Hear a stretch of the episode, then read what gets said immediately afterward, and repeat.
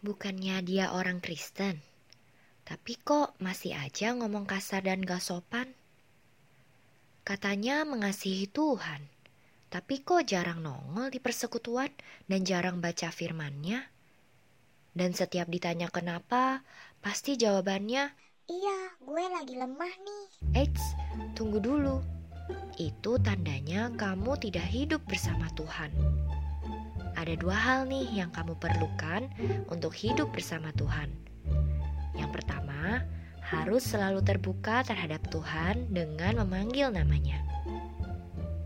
Roma 10 ayat 12 mengatakan, Tuhan kaya bagi semua orang yang berseru kepadanya.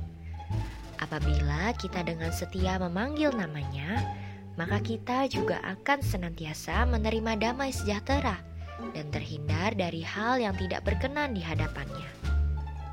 Lalu, hal kedua yang kita perlukan adalah dengan sungguh-sungguh membaca dan berdoa berdasarkan firman-Nya.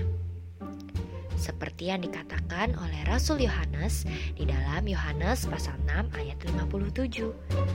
Sama seperti Bapa yang hidup mengutus aku dan aku hidup oleh Bapa. Demikian juga barang siapa yang memakan aku akan hidup oleh aku. Jadi teman-teman, supaya hidup kita bisa jadi kesaksian, kita harus hidup bersama Tuhan senantiasa.